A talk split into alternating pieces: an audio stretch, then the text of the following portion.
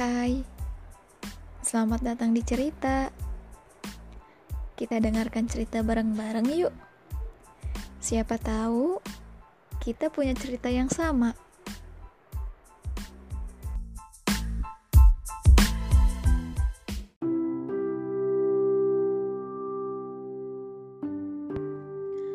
Dulu aku pernah sangat yakin, yakin sekali kalau kali ini ia memang ada untukku. Ia adalah sosok yang memang ditakdirkan untukku. Dan keyakinanku ternyata benar. Karena saat itu ia merespon dengan baik rasaku. Saat itu entah seperti apa bahagianya perasaanku. Yang ku tahu, aku tak pernah berhenti tersenyum. Ya, meskipun tidak bisa dipungkiri, bahwa komunikasiku dengan dia memang sangat jarang. Seminggu sekali mungkin, atau sebulan sekali. Entahlah, aku lupa. Karena memang saat itu dia dengan kesibukannya, begitu pula aku. Tapi ada satu pesan yang tak akan pernah aku lupa kala itu. Sebuah pesan yang akhirnya meruntuhkan semua keyakinanku.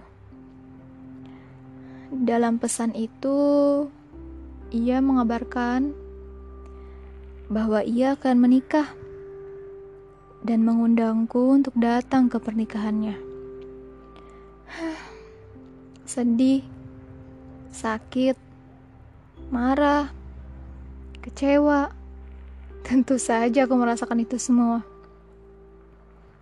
Saat itu, aku terlantas membalas pesannya. Karena aku masih mencari kebenaran dari pesan yang dia kirimkan. Banyak hal yang berkecamuk di hati dan otakku saat itu. Kok bisa?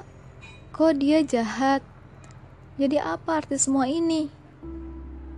Saat itu juga logikaku berkata, Emang apa yang sudah ia lakukan? Emang kamu siapanya dia? Emang apa hubungan kamu dengan dia? Dia nggak pernah berkata apa-apa. Kamunya aja emang yang baper dan kegeeran.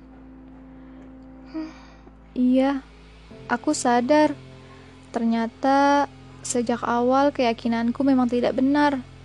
Semuanya dari awal emang sudah salah. Semua yang ia lakukan adalah hal wajar. Gak pernah ada yang spesial.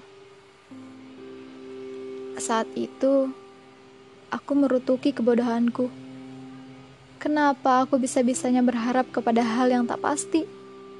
Kenapa bisa-bisanya dari awal aku sendiri yang memilih untuk dikecewakan?